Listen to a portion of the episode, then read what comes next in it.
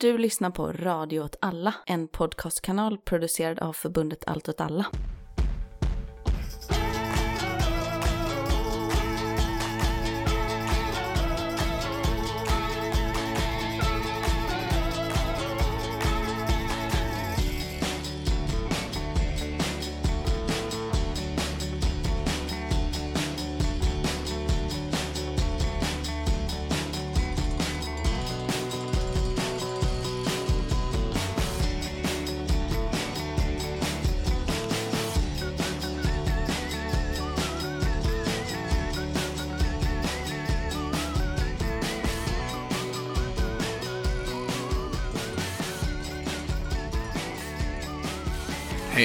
Eld rörelse med Martin Hansson. Mig, Mira Andersson. Udda krig och perspektiv. När ska vi säga det tycker du är rimligast? Egentligen direkt efter vi säger Välkommen till Eldrörelse. Då säger du, gör vi om det nu då. Så tar vi inte med vi med allt det här. Nej, nej. Hej, välkommen till Eld rörelse Udda krig och perspektiv. med mig Martin Hansson. Och med mig, Mira Andersson.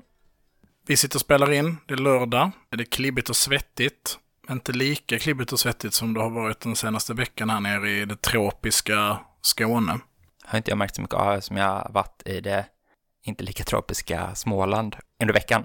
Men eh, det är ju det att det är så fuktigt också tillsammans med att det är varmt. Att det ligger typ dimma på natten över hela stan och så.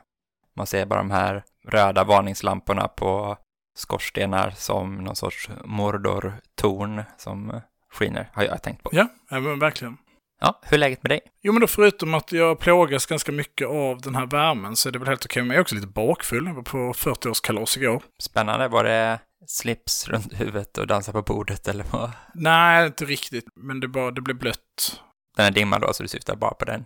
Det var liksom lite drinktema. Det låter trevligt. Ja, vad är din favoritdrink? Bloody Mary. Mm, ja, just det. Men det är ju lite specifika tillfällen. An alltså många andra tillfällen passar ju- eller vid många tillfällen passar det inte riktigt. Men då är en GT väldigt gott, bara som en sån clean. Jag tycker väldigt illa om GT. Uh, Okej, din favorit då? ja, men det skulle jag väl säga är en en margarita alltså. Mm, men det är också gott. Surt salt. Precis som jag.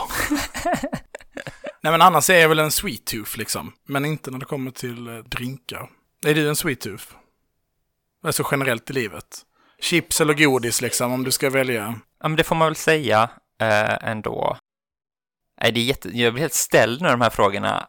Jag börjar tänka så, drinkar, söta drinkar är också gott med söta drinkar. Mm. Och även så här typ, White Russian är gott. Mm. För att det är sött och mjölk. Ja, jo, visst, det är gott. Och daiquiri är så gott för det är sött och på samma sätt godis är gott, mm, jättegott med godis och chips, men dippa är också väldigt gott. Chips och dippa är en hel måltid. Jag bara frossa i huvudet och bara tänka på olika saker som är gott nu, så du kan inte få ett rimligt svar av mig, jag bara spinner loss. Nej, jag ber om ursäkt att jag, att jag drog igång det. Kan väl vara värt att kommentera att man hör en tvättmaskin kanske i bakgrunden. Ett extremt störigt ljud. Det kommer att sluta ganska snart. Anledningen till att vi tvättar just nu är för att elpriserna är ganska låga idag. Vad bra, det har inte jag tänkt på, jag har bara satt igång, också hemma hos mig har jag satt igång en egen tvättmaskin Mm. också. Nej, de råkar vara lite lägre idag. Vad har du någon take på elpriserna? Det borde vi göra ett avsnitt om egentligen, för det kommer ju spela stor geopolitisk roll, inte minst eh, nu till hösten, vintern. Nej, men det är väl alltså bara den här standardvänsterresponsen om att det är löjligt att säga att det bara är Miljöpartiets fel att det är höga elpriser i Sverige för att man har ju den här europeiska marknaden och så vidare. Och den stora anledningen till att elpriserna har höjts är ju hur priserna höjts på den europeiska elmarknaden på grund av kriget i Ukraina. Men sen så är väl inte det hela sanningen heller. Det är väl liksom, det finns väl någon sorts svensk underkapacitet. Ifall Sverige hade producerat mer el så hade det väl varit billigare också tror jag. Det tror jag stämmer också. Så det hade varit bättre ifall man hade byggt ett eh, mer robust elsystem innan och jag tror inte det hade behövt vara kärnkraft heller, men det hade behövt vara på något sätt mer liksom robust och man ska inte heller släppa liksom sossarnas försummelse av liksom resiliens i svenska eh, infrastruktursystem generellt liksom. Nej, men det slog mig att det finns ju liksom någon liknelse mellan typ matbristen under första världskriget, kopplade till och för den delen tidigare historien, men att man är ju så att ja, men våra elpriser är är höga för att vi exporterar el. Vi säljer el till Tyskland och Frankrike och Danmark och så vidare. Säljer vi el. Och det påverkar våra priser. Så att även om vi hade byggt ut en högre kapacitet så hade, visst priserna hade ju minskat, men det hade fortfarande handlat om hur mycket el vi sålde och vad köparna betalade för den. Det är väl att det är någon flaskhals i hur mycket el man kan exportera som gör att ifall man hade producerat mer i Sverige så hade det varit billigare i Sverige fortfarande. Men den vill man väl bygga ut för att kunna just exportera mer el och Ja. då hade det inte spelat någon roll. Ja, att jag tänker på det här, liksom liknelsen är ju då när det blir hungersnöd i Sverige och det handlar om att man säljer mat utomlands. Och då är det ju så att, ja men elen vi säljer till Tyskland är ju el som används av andra människor, som ju också behöver el. Men jag tänker på hela den här debatten om Vänsterpartiet som är så Sverigepriser liksom. Mm. Att det är ju så, ja men då får ju Tyskland producera sin egen jävla el om de vill ha el. Det blir ju någonstans det argumentet grundar sig på. Det hade ju varit en sak ifall det var så att alla elbolag var statliga. Så att även om det hade kostat oss mer i egenskap av liksom konsumenter att köpa elen. Men om det hade varit priserna, höga försäljningspriser, hade inneburit att vårt samhälle också blev starkare och rikare för att vinsten av de höga elpriserna hade resulterat i liksom en större statskassa till exempel. I någon mån gör det, är det väl så. Alltså, Vattenfall och så vidare. Men ganska mycket är det också att pengarna bara går in i privata aktörs fickor. Mm. Absolut. Nej, och såklart också. Någonstans är det ju så. Varför är inte bara all el över hela jorden totalt anpassad för människor? Och så producerar man där man kan och där det är mest miljövänligt och bäst och så exporterar man dit människor behöver för konsumtion. Det hade väl inte varit. Det är också lite konstigt att vara så. Sverige borde ha svenska priser och så, ja, men alla borde väl ha rimliga priser vart de än bor i hela världen liksom. Eller inga priser alls. Men att det är liksom en komplex fråga på det sättet. Så tycker jag att vi ska ha Sverigepriser. Eftersom att det som i praktiken det innebär att den här elen konsumeras ju av vinstdrivande företag. Det är företag som, som använder den här elen. Det är inte liksom så, och nej, nu kan liksom inte vi värma upp våra hem längre. Utan det handlar ju framför allt om industrier som driver upp den här typen av eh, priser. Och de höjer ju bara sina priser för att tackla det dyrare elpriset. Så då blir liksom konsumenterna dubbelbestraffade. Vi blir dubbelbestraffade. Vi får betala mer för produkterna som importeras till Sverige för att de ökade elpriserna. Och sen samtidigt får vi betala mer för elen, som ju också utvinns av saker som är allas. Alltså, det är också viktigt att säga, liksom, det är klart att även järnmalm och så vidare är också, och uran också är allas, men vattenkraften är liksom våra floder och älvar och vinden. Alltså, Det är allas vind. jag vet inte, konstig sak, det är allas Luften är fri. Luften är fri. Nej, men liksom att såklart omvandlingen till energi såklart är liksom en investering och så. Men som ju också är kraftigt subventionerad av skattemedel. Absolut. Det blir bara en fråga om vilket liksom utopiskt eller långsiktigt perspektiv man tänker det liksom. Jag tror att det kan ha en direkt krigsavgörande roll i Ukraina. Hur vi har handskats och privatiserat elmarknaden. Då på väg in i att prata om Ukraina ska vi sätta in nyhetssvepsjingeln här mitt i. Ja, ja, vi kör nyhetssvepet.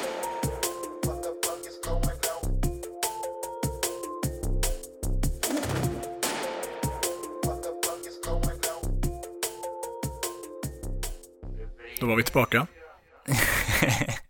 Va, vad skulle du säga om eh, elpriserna i Ukraina jämfört med kriget? Nej, men det är väl bara den eh, jätteenkla spaningen att det är ett läge att kriget i Ukraina är ett utnötningskrig. Även om det har liksom, Ukraina har uppvisat vissa nya förmågor. Vi har bland annat det här eventuella sabotaget mot flygbasen på Krim, som det fortfarande är lite oklart vad det är. Jag sätter mina pengar på sabotageförband. Även en uh, ammunitionsdepå där, vad som gick i luften. Ja, det är mycket sådana saker som har hänt eh, på senaste. Och idag då när vi spelar in så har vi haft ja, en så självmordsdrönare som har flugit in i Svarta havets flottans eh, högkvarter i Sevastopol. Vilket den tycks vara en modifierad eh, civil kinesiskt producerad drönare. Vilket är så konstigt att den kan flyga dit. Men Ja, eller så startar den då från en mil bort istället. Liksom. precis, precis. Men det är ju så att, som vi har pratat om tidigare, så bärs ju till viss del Ukrainas krigsförmåga av eh, västs militärindustri på grund av att Ryssland har haft sönder så stora delar av Ukrainas militärindustri, helt enkelt. Och utan de leveranserna så skulle nog kriget ha gått betydligt snabbare till Rysslands fördel. Okej, men vad är kopplingen till elen? Menar du att då är, okej, nu förstår jag nu vad du förstår menar. du var jag är på väg någonstans. Och det du ska säga är att västs och framförallt kanske Tysklands och EUs liksom villighet att fortsätta ge sånt stöd till Ukraina är lite avhängigt ifall Ryssland kan skapa en jättestor eh, elkris i Europa i vinter liksom. Ifall man kan på något sätt tvinga Europa att eh, sluta stödja Ukraina. Ja, och, och här blir det ju spännande för att nu när liksom i en tid då alla är helt besatta av påverkansoperationer och hybridkrigsföring, vad det nu är, så kan man ju verkligen se de geopolitiskt strategiska fördelarna för Rysslands sida att sabotera eventuella ehm, elkablar under vatten till exempel mellan Sverige och Tyskland. För den liksom rena politiska påverkan det skulle innebära för Tysklands del. Och där pratar man om påverkansoperationer liksom ordets rätta bemärkelse, där man liksom använder otillåtna medel för att påverka opinion, som till exempel då att sabotera infrastruktur. Det har väl varit något undervattenssabotage eh, kopplat till någon, liksom, om det var el eller om det var tele eller liksom hur det nu var mellan typ eh, Svalbard och Norge eller så. Alltså att det finns liksom den typen av förmågor där man liksom helt enkelt använder ubåtar eller så för att... Eh, klippa kablar. Ja, för att skada mm. eller klippa kablar. Så det kan man ju mycket väl tänka sig att vi kommer att se den typen av processer eftersom att elpriserna och till viss del när det faktiskt blir brist har ju en väldigt direkt påverkan på den här uthålligheten som vi kommer att prata mer om i det här avsnittet senare. Ja. Vill du säga någonting om eh, kanske? Mm, precis. Eh, jag gjorde en liten Twitter-tråd om det där och det är liksom en sak jag funderat på förut. Jag tror vi har sagt det i podden också förut, att liksom hur man beskriver kriget och Ukrainas förmåga och så liksom i media och så mycket. Att det är på något sätt eh, att det står och väger och att eh, ska Ukraina lyckas kasta ut Ryssland och eh, vem vinner kriget egentligen och sådana saker. Och att i den här hejaklacksmentaliteten som blir för Ukraina så tycker jag att det kan ha blivit lite vilseledande hur man liksom beskriver det i förhållande till vad som faktiskt har skett. Det finns ju de här uttalandena om att Ryssland ska vara som ute ur Ukraina innan året är slut. Och Kherson då, så har det också varit prat om att det ska vara en offensiv mot Kherson. Och det har liksom varit företrädare för ukrainska armén som sagt att den ska ske under augusti och så. Och kanske någon som har sagt att den ska vara färdig till september, då ska man ha återtagit stan. Och det får vi fortfarande se, det är inte, augusti är inte slut än och september är verkligen inte slut än. Men det jag tycker att man kan tänka på är att Liksom, det som Ukraina har visat en stor förmåga i är ju liksom skicklig defensiv strid där man kan orsaka anfallaren, alltså Rysslands stora skador. Så det har man ju varit duktig på. Man har fortfarande inte gjort några egentliga erövringar, alltså återtaganden av städer som Ryssland väl har intagit på riktigt. Liksom. I den kniptångsmanövern de försökte göra mot Kiev och så, där drog de ju sig tillbaka och då drog de sig tillbaka från Kronotorp heter väl den stan, som är väl den största liksom som Ryssland då har tagit och sen så övergivit. Och det var 85 000 människor. Men då var det också så, de tog aldrig den riktigt, riktigt på riktigt. De gjorde någon deal med liksom den ukrainska statsledningen där och var så, ja okej, okay, vi tar inte ner de ukrainska flaggorna, vi tar inte över administrationen av staten, men ni gör inte så här grillamotstånd mot oss. Så liksom. Det var inte ens en stad man liksom hade tagit 100% på riktigt. Och då vet vi det här att ta städer kräver andra sorters militära förmågor än att försvara sig. Det kräver dels då liksom andra styrkeförhållanden i, alltså anfallaren måste vara större, det här vi pratat om många gånger, och det kräver väl också i någon utsträckning att man är utbildad för, liksom att man har övat på hur man gör de här sorternas strider, eller det blir lättare för man har gjort det i alla fall. Och nu läste jag några artiklar där de liksom, ifall det var Economist, Wall Street Journal eller någonting, det kanske var något Washington Post eller någonting. Någon amerikanska tidningar där de hade haft reportrar som hade liksom åkt och på något sätt undersökt varför den här Kherson-offensiven inte verkar vara på gång. För att det sägs ju att den ska hända och sen så har den liksom, de är inte på väg mot Kherson nu. Och då pekar olika människor de intervjuar, alltså i Ukrainas försvarsstyrkor på att så här, vi har ingen utbildning för att ta städer. Vi har alltid bara övat på att försvara oss mot det här ryska hotet. Vi har inte riktigt den hårdvara som krävs, liksom. alltså, vi har inte de eh, vapensystem i tillräckligt stor utsträckning som krävs. Och vi har inte tillräckligt mycket soldater för att göra det. Och då får man ju fråga sig, är det här liksom bara att man har målat upp det här som en motiverande beskrivning för att hålla ihop, så att vi kommer strax bara ta tillbaka den här staden, eller har man trott på det själva och det inte kommer funka liksom? Vad kommer det få för effekter på opinionen när det visar sig att det realiseras inte det man har sagt förut. Och det verkar också som att man har börjat svänga i sina beskrivningar av vad som var målet liksom. Först lät det som att man ska göra en offensiv och som tar tillbaka staden. Nu pratade de företrädarna, de intervjuade mycket mer om att så här typ, vi ska skära av försörjningslederna till stan, vi ska trakassera trupperna och så till slut kommer Ryssland tycka det är så jobbigt att de inte pallar hålla längre, att de dra sig tillbaka och då kan vi ta tillbaka stan liksom. Det är ganska annorlunda beskrivningar av vad som ska hända. Och då tänker jag i ett större perspektiv så är Kherson den absolut bäst lämpade staden att ta tillbaka för att den ligger på fel sida den här floden. De liksom, ryssarna har bara precis gått över floden, tagit Kherson. Så får man har broarna så har de liksom isolerat deras fäste där.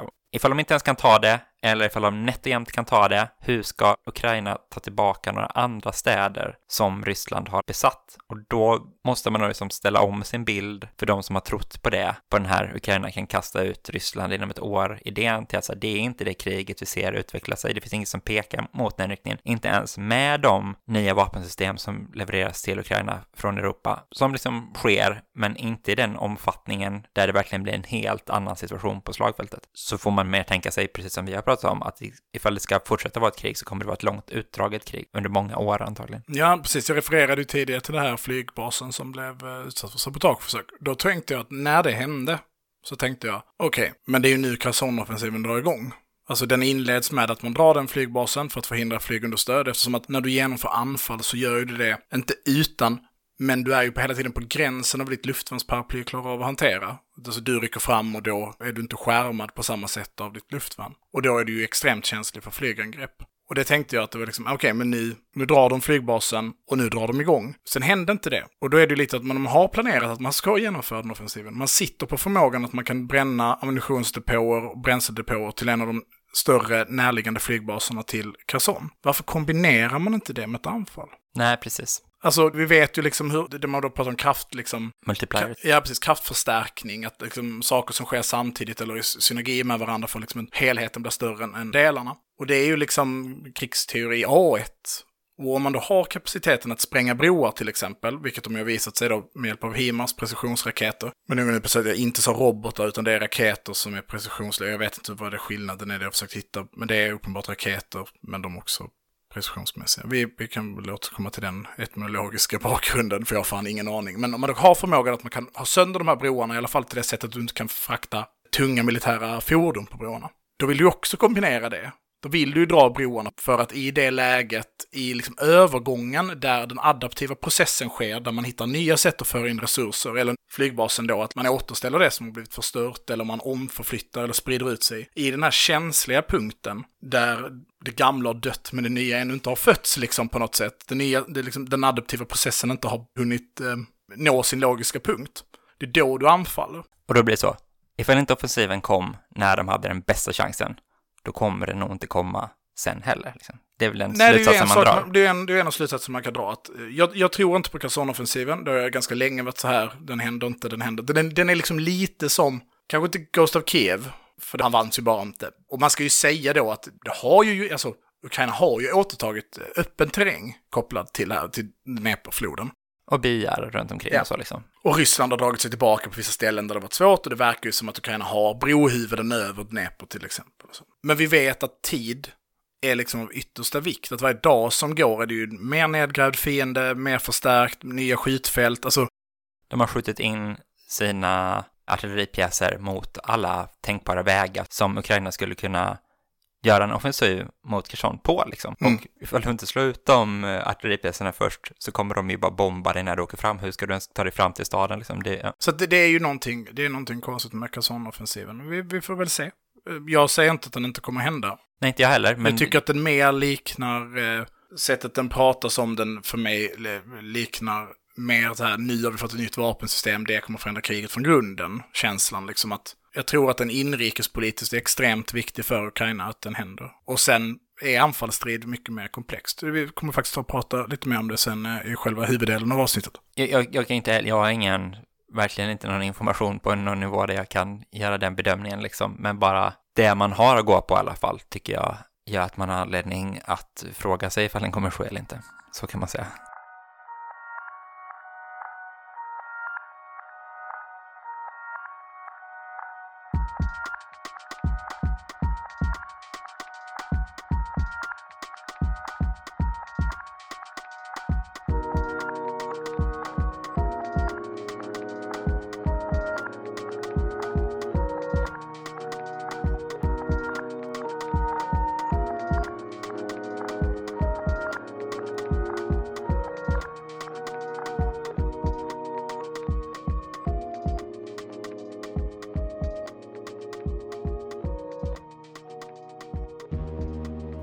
Okej, jag tänker att eh, vi ska ta och prata lite Turkiet också. Det har hänt lite grejer där. Först och främst så kan man väl säga att eh, Jag blev ganska illa berörd idag. Turkiet eh, i, den 18 kvällen, den 18 natten mellan den 18 och 19 besköt ett, en skola, är väl det rimliga sättet att beskriva det, där ett gäng unga kvinnor spelade volleyboll och blev dödade av ett, vad som tycks vara ett, ett drönarangrepp från Turkiet. Det är mycket propaganda som kommer ut från Syrien, det ska man liksom vara öppen med. Men nu har det bekräftats av Combined Joint Task Force Operation Inherent Resolve, alltså USAs operation, ja, USA med allierades operation i Syrien och Irak, anti-IS-operationen. Att det har hänt och att det här, liksom de döda är den här gruppen eh, tonårstjejer då, som blivit mördad. Och det kommer ju passera obemärkt förbi, det är ingenting som kommer att pratas om i svensk media. Och samtidigt som det händer så har vi nu i veckan så har ju en, eh, en homosexuell ung man som har eh, kopplingar till HDP, alltså det progressiva vänsterpartiet i Turkiet, fått ett utlämningsbeslut och eh, är satt i förvar.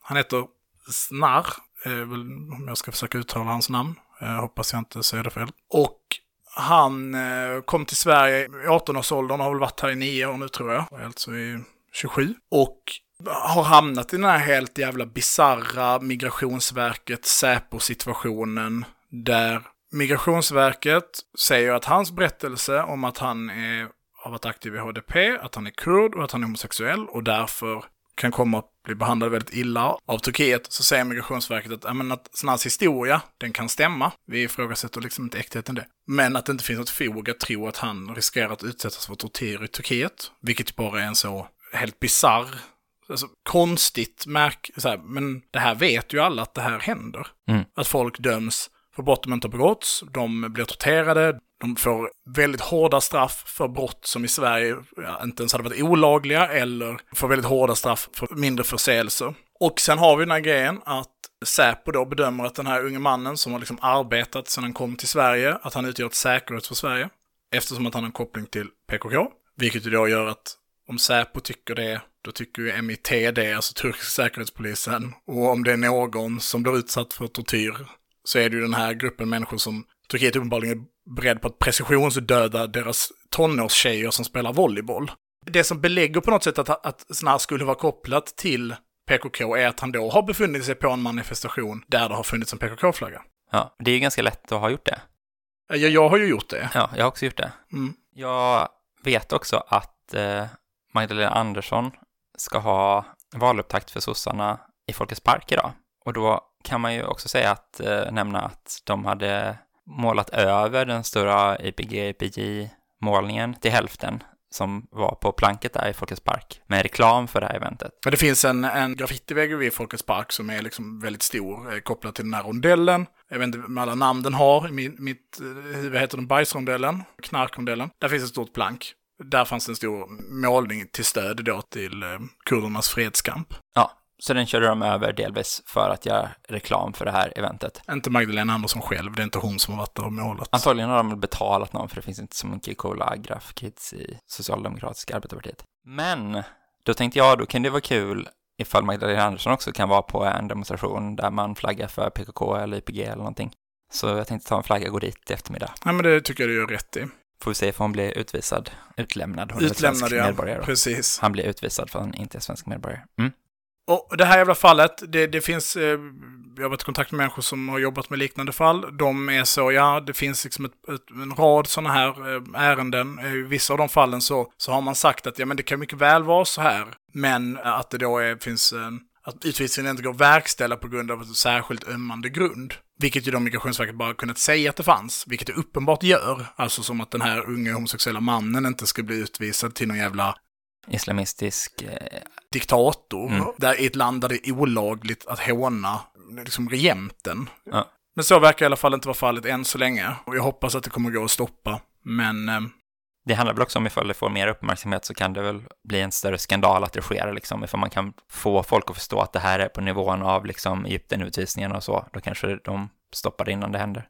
Ja, och just den parallellen är spännande, för att när det var Egypten-utvisningar, då hade de åtminstone liksom skam nog i kroppen och försöka göra det hemligt. Mm. Men nu är det bara som att de bara äter den här jävla fasciststövlen bara rakt upp och ner, eh, utan, utan sås eller vatten.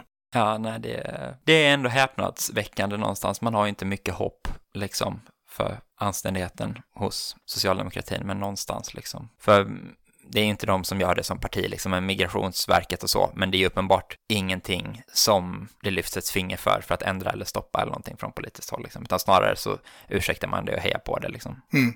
Så om man lyssnar på det här och är liksom journalist eller liksom på något sätt är inblandad i medieproduktion överhuvudtaget så får man jättegärna DM mig på Twitter eller man kan ta kontakt med oss på Facebook. Så kan jag försöka sätta er i kontakt med människor ni kan prata med. Ja, eller bara ta någon av alla jättebra artiklar som har skrivits om det av liksom mindre mediasammanhang. De finns, jag tror att jag har delat det mesta på min Twitter också om man läser det. Och försöker göra detta till en grej som åtminstone det blir, det blir en debatt om. Ja, för folk ändå, utan någon anledning, besöker valstugor och pratar med politiker så ta upp det här fråga hur fan kan man tillåta att det här går till på det här jävla sättet och eh, ställa dem till svars liksom. Jag har väl inte jättestora förhoppningar men jag menar det är väl det man kan göra för man ändå är på en sån plats. Verkligen. Ja, nej men det känns tungt också för att som sagt det har inte avgjort än eller så men bara att det liksom finns på bordet känns så jävla orimligt och vilket jävla pissland man lever i liksom. Med de glada orden ska vi gå vidare. Ja, nu är tanken att vi ska fortsätta prata om de strategiska begreppen som vi påbörjade i förra avsnittet. Och eh, vi ska ta avstamp i en annan historisk händelse för att prata om ett väldigt närliggande begrepp till förintelseslag.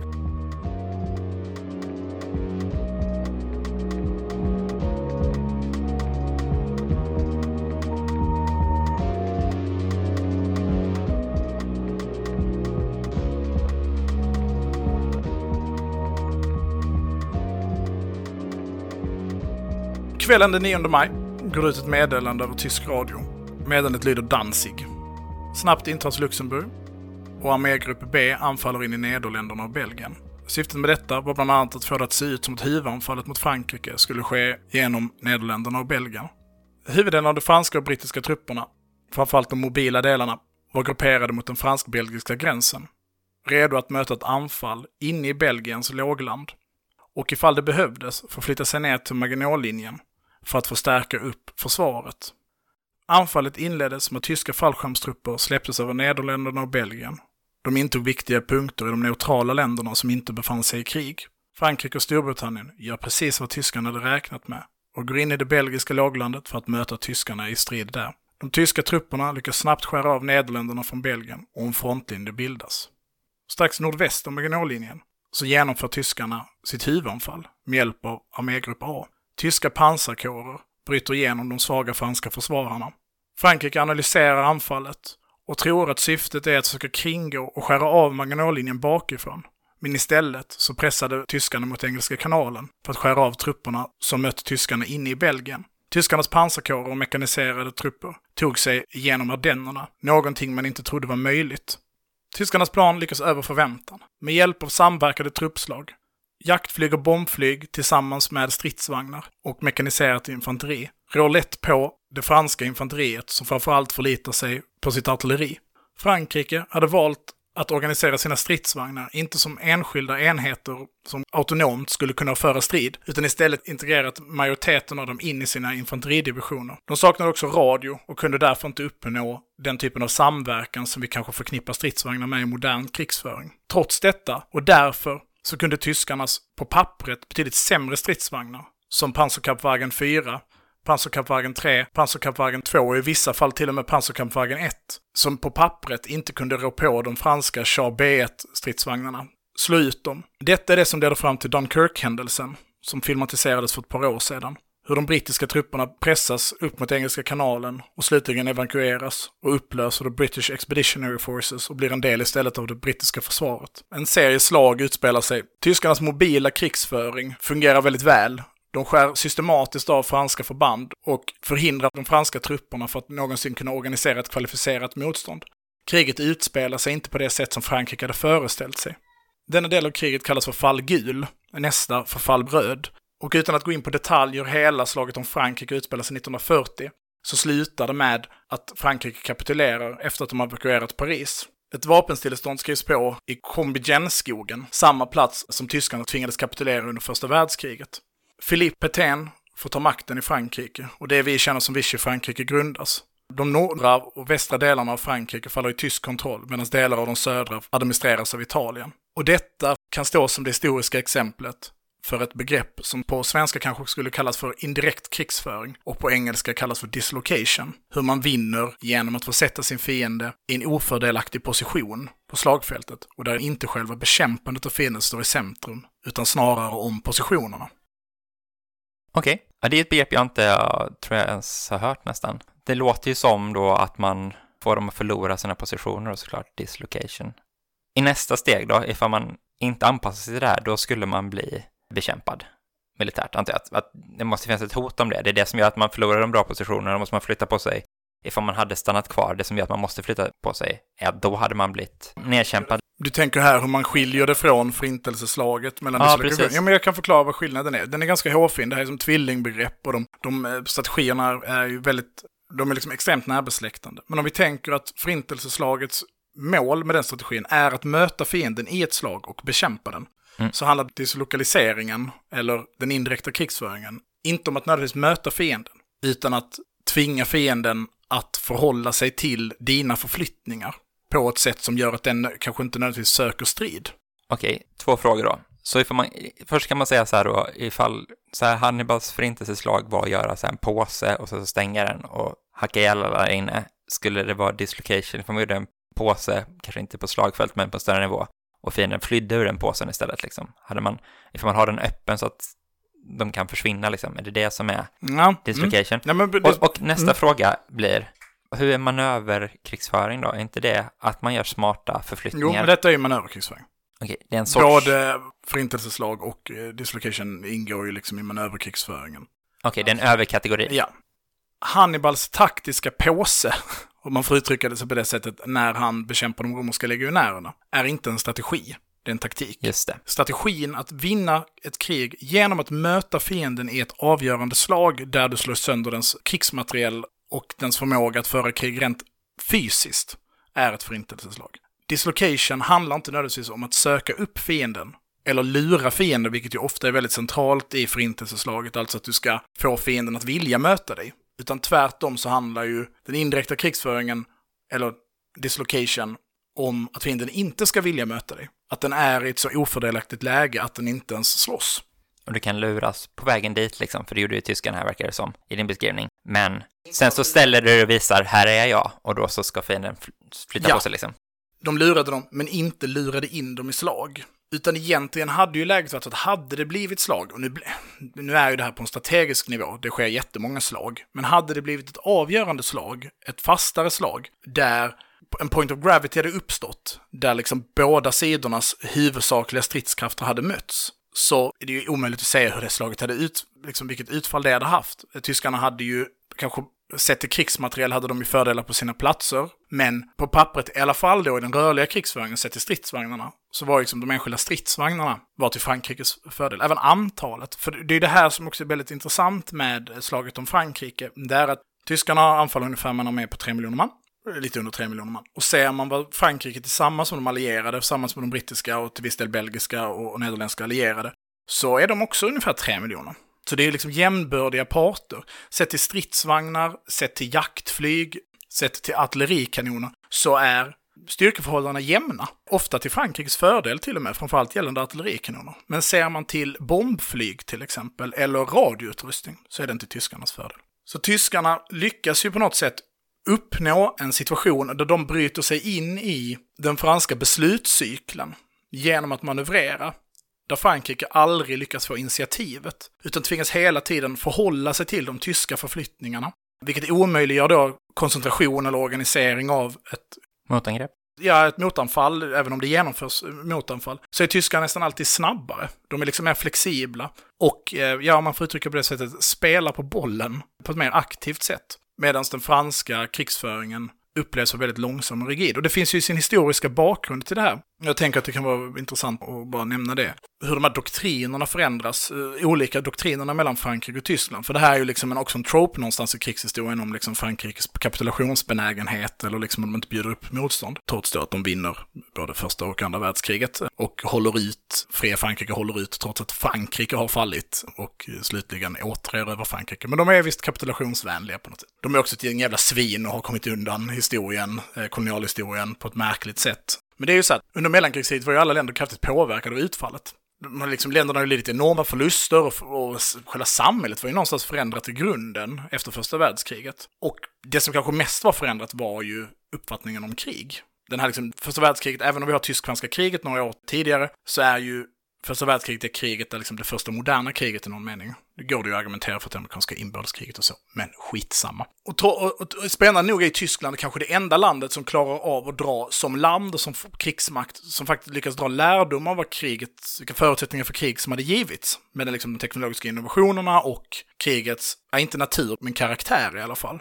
Och det här är ju tydligt också att Tyskland har dratt de här lärdomarna nästan bara på det taktiska planet och inte i några andra hänseenden, vilket är det som gör att de förlorar även andra världskriget.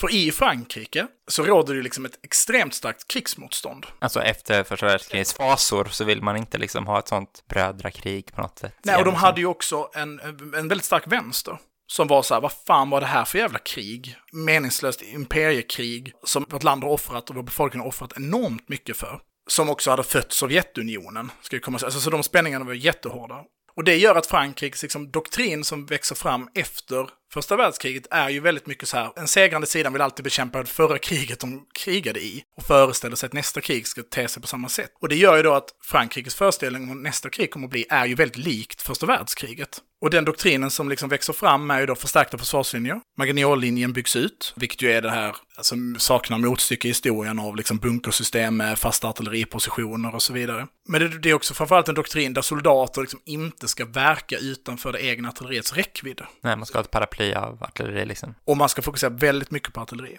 Och det här är ju en tid då artilleri är väldigt långsamt och det är också fokus på liksom det tunga artilleriet. Så det är skjuta ut de andras befästningar och skjuta ut deras infanteritruppsamlingar då liksom? Ja, när de liksom... försöker så kan du använda spärreld liksom när de försöker rycka fram mot dina försvarslinjer. Lite som då kanske Ryssland kan göra mot Ukraina nu du är Kherson. Mm, ja men precis.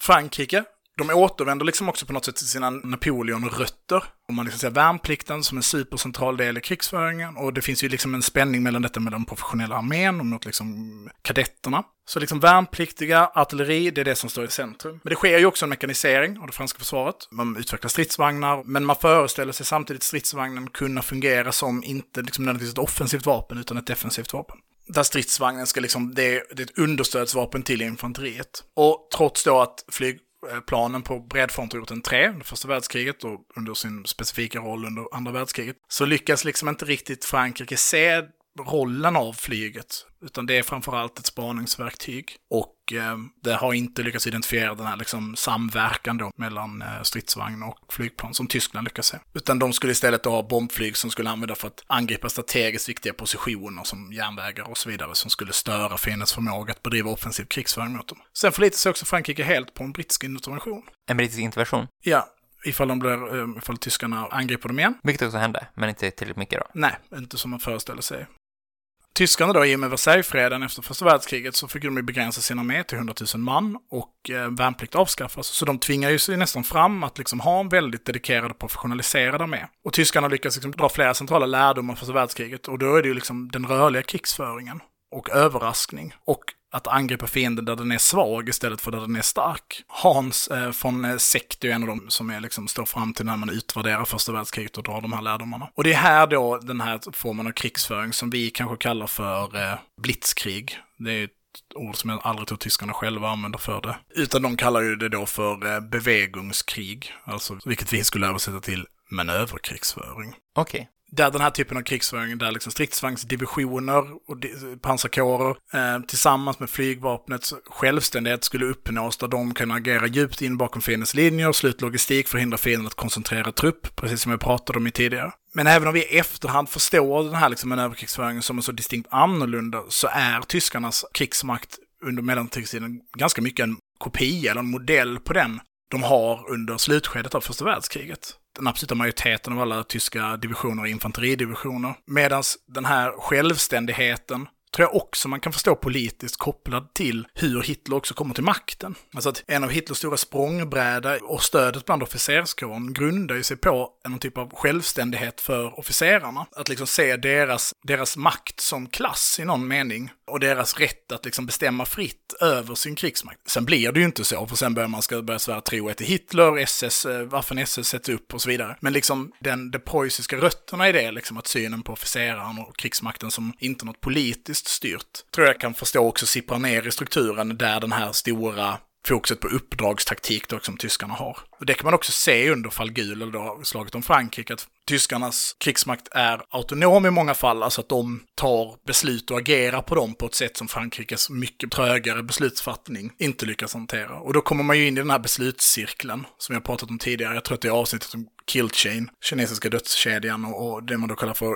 OODA, Observe, Orient, Decide och Act. Och att man lyckas bryta in i den för att ens egen sån är så pass mycket snabbare än vad fransmännen ser. Är det man pratar om uh, den tyska Junkerklassen? Just det. Är det det? Att de är officerare då liksom som... Mm, junkrarna. Mm, nej men precis, det är väl liksom synonymt med kadetter va? Och en kadett är ju en officersaspirant. Så det är ju väldigt eh, snarlika ord. Medan det tyska då, eh, junkern är väl mer kopplat till adelsklassen, i alla fall etymologiskt. Förlåt, var en passus, men jag bara tänker det sånt som man hör om liksom Hitlers bas för sin makt liksom. Just det. Som att den klassbasen är ju på något sätt eh, mer småborgerlig liksom mm. än vad man kanske får bilden av. För att det fanns en mycket större småborgerlighet i Tyskland än vad det finns nu. Att det fanns liksom som en egen småborgerlig klass på ett annat sätt.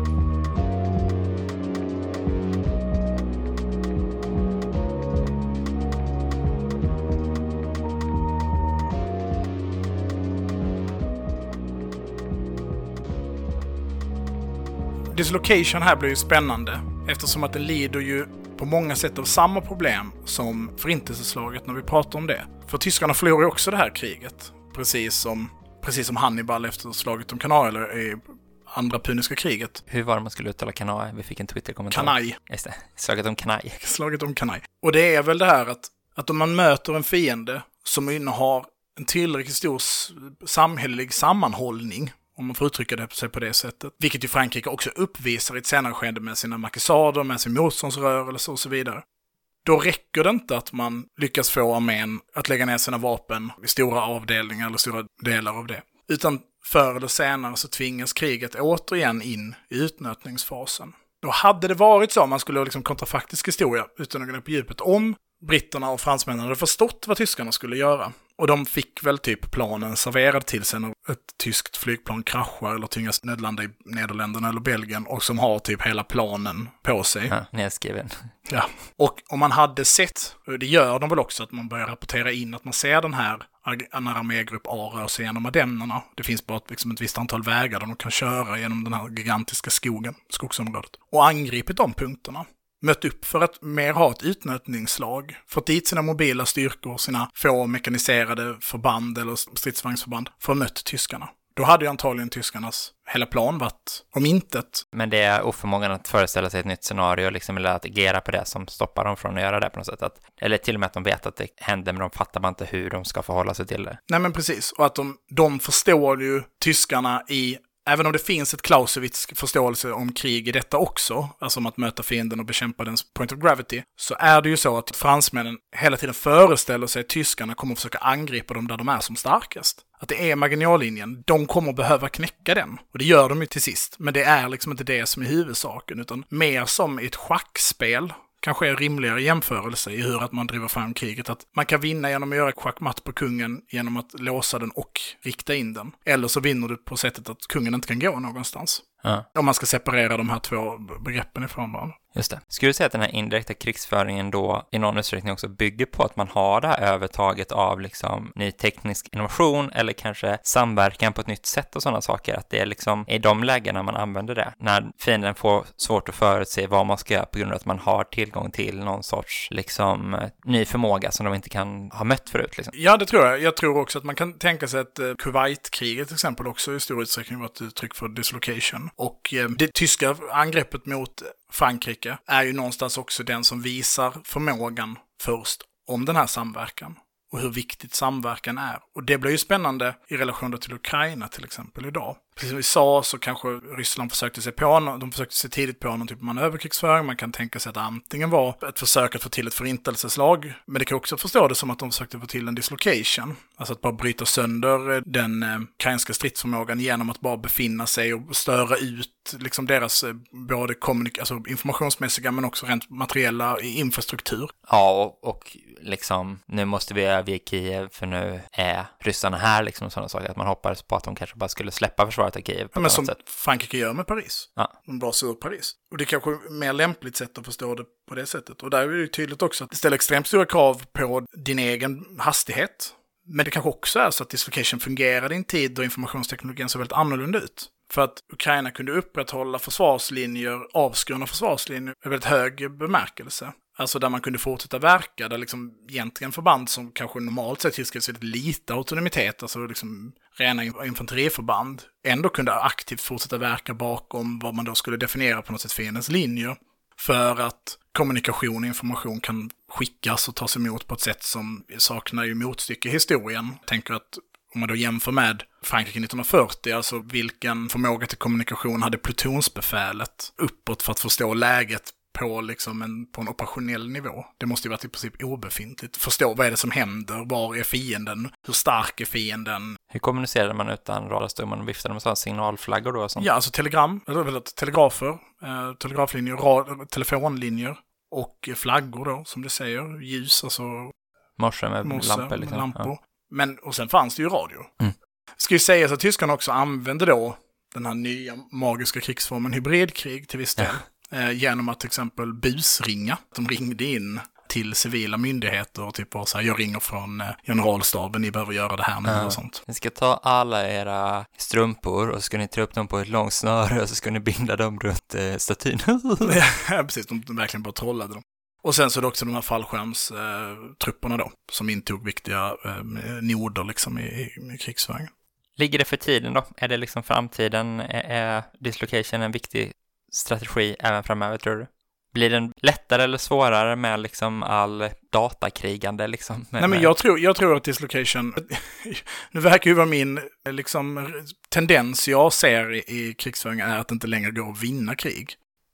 Så det tror jag inte. Jag tror att dislocation tillhör dåtiden. Ja. Eftersom att den bygger också tekniskt på ett övertag som eh, jag inte tror att krigsmakten har längre. Jag tror inte att eh, krigsmakten är den som har det teknologiska övertaget, utan det är civilsamhället som har det. Just det. Det är också mycket svårare i en tid där vi mer rör oss mot, kanske istället då för uppdragstaktik, så rör vi oss liksom nästan mot någon typ av svärmtaktik, om man då ska se tendenser. Och då är det ju i princip omöjligt att dislokalisera någon, eftersom Ja. att de alltid är dislokaliserade. Just det.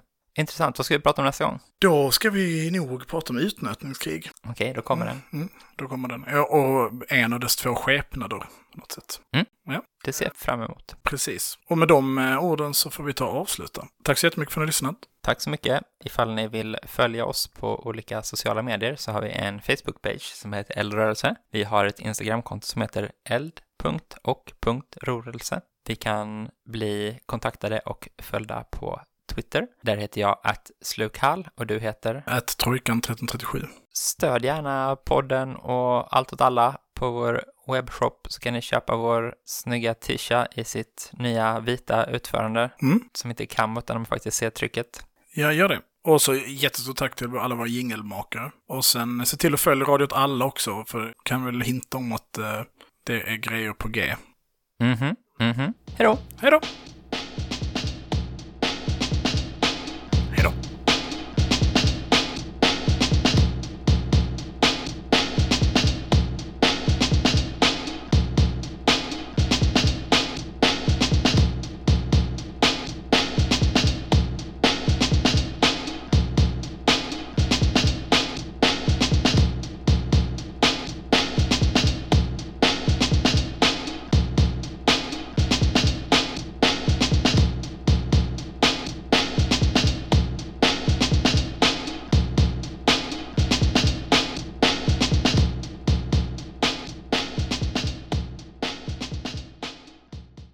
Säger du? Kherson? Kherson?